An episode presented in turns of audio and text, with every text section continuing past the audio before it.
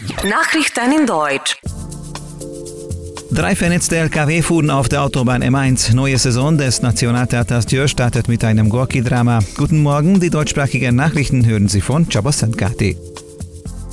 Die Volvo Trucks hat in Zusammenarbeit mit Waberas International und dem Ministerium für nationalen Entwicklung einen auch in Ost- und Mitteleuropa eigenständiges Test durchgeführt. Das sogenannte Platooning-System wurde zum ersten Mal unter wahren Verhältnissen ausprobiert. Die in die Lkw eingebaute Spitzentechnologie ermöglicht, dass die Fahrzeuge miteinander kommunizieren und sich ohne menschlichen Eingriff fortbewegen.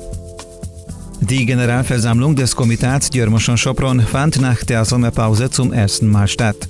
Die Abgeordneten haben über zwölf Vorlagen diskutiert. Sultan Nemeth, Präsident des Komitatsparlaments, hat unter anderem über die Ernennung des neuen Notars der Selbstregierung des Komitats berichtet und die Abgeordneten konnten auch die Initiative kennenlernen, in der es sich darum handelt, die kleine Schüttinsel in Naturpark umzuwidmen.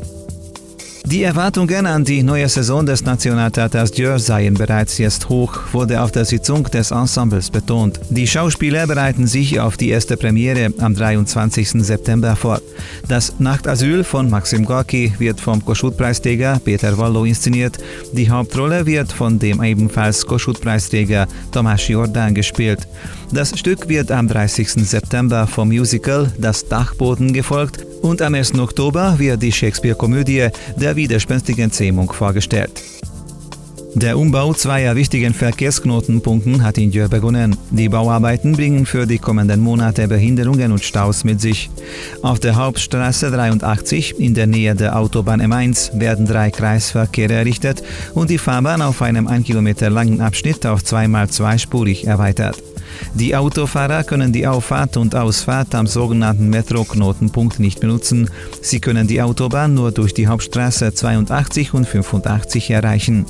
Experten rechnen hier mit einem erhöhten Verkehr, aber viele Verkehrsteilnehmer suchen im Stadtteil Sabotech einen Umweg. Auch der Kreisverkehr an der Sauter- und Sentimre-Straße wird umgebaut, was bis zum Ende des Jahres zu weiteren Staus führen kann.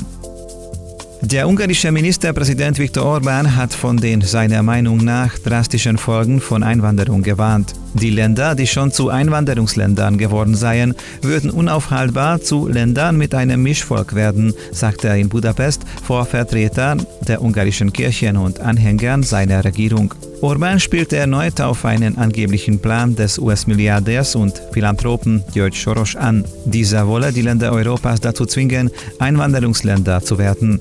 Der Soros-Plan zielt nach Darstellung von Orban darauf ab, die Völker Ostmitteleuropas ihrer christlichen und nationalen Identität zu berauben. Der irische Billigfluggesellschaft Ryanair streicht in den kommenden sechs Wochen bis zu 2100 Flüge, um die Pünktlichkeit ihrer Maschinen zu verbessern. In dem Zeitraum würden täglich 40 bis 50 Flüge ausfallen, also insgesamt 1680 bis 2100, teilte das Unternehmen mit. Dies entspreche weniger als 2% der Ryanair-Verbindungen und solle die Pünktlichkeit vor Inkrafttreten des Winterflugplans Anfang November verbessern. Durch die Flugstreichungen können Ryanair die Belastbarkeit ihrer Flugpläne verbessern und die Pünktlichkeit auf ihr Jahresziel von 90% wiederherstellen, führt der Unternehmenssprecher Robin Keely aus. Und nun zum Wetter. Dichte Wolken und zum Teil intensiver Regen bestimmen am Dienstag das Wettergeschehen in Jör. Dazu weht schwacher bis mäßiger Wind, meist aus nördlichen Richtungen. Tageshöchsttemperaturen bei 14 Grad.